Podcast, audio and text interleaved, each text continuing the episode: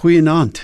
Aan die einde van hierdie eerste dag van die week gaan ek 'n oomblik saam met jou nadink oor ons nuwe lewe.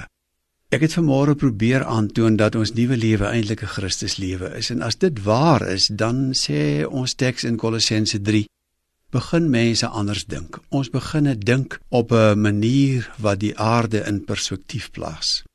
En ons besef dat daar groter dinge is as wat ons elke dag mee worstel. Die groter prentjie word ook vir ons duidelik. Nou in Kolossense 3 word hierdie nuwe lewe as dit ware vergelyk met die uittrek van ons ou klere en die aantrek van ons nuwe klere. Mens moet dit mooi verstaan, ons het 'n nuwe lewe, ons het nuwe klere. Daarom kan ons maar die ou klere uittrek. En Kolossense 3 die teken nog al hierdie ou klere in baie ernstige taal. En ek gaan so bietjie saam met jou daarna kyk, want die ou klere pas ons net nie meer nie. Daar staan byvoorbeeld in vers 5 dat 'n mens hierdie soort van aardse lewe afsterf.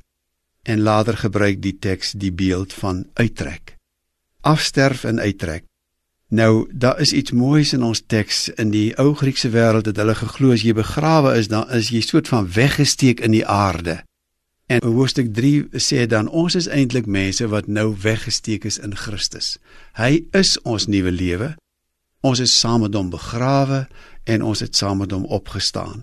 En die goed wat ons nie pas nie, lees ek sommer net vinnig, onsedelikheid, onreinheid, wellus, slegte begeertes en ook gierigheid wat afgodediens is. Sommige van die mense wat hierdie uh, brief die eerste keer gelees het, kom uit waarskynlik 'n redelike heidense lewe.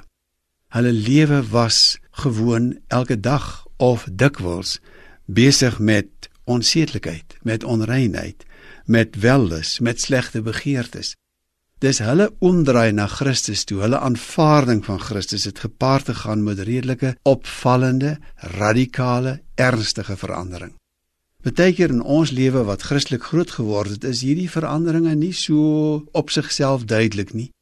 Maar die oproep van die Bybel bly eintlik ewe waar, naamlik dat ons hierdie klere aanhoudend uittrek.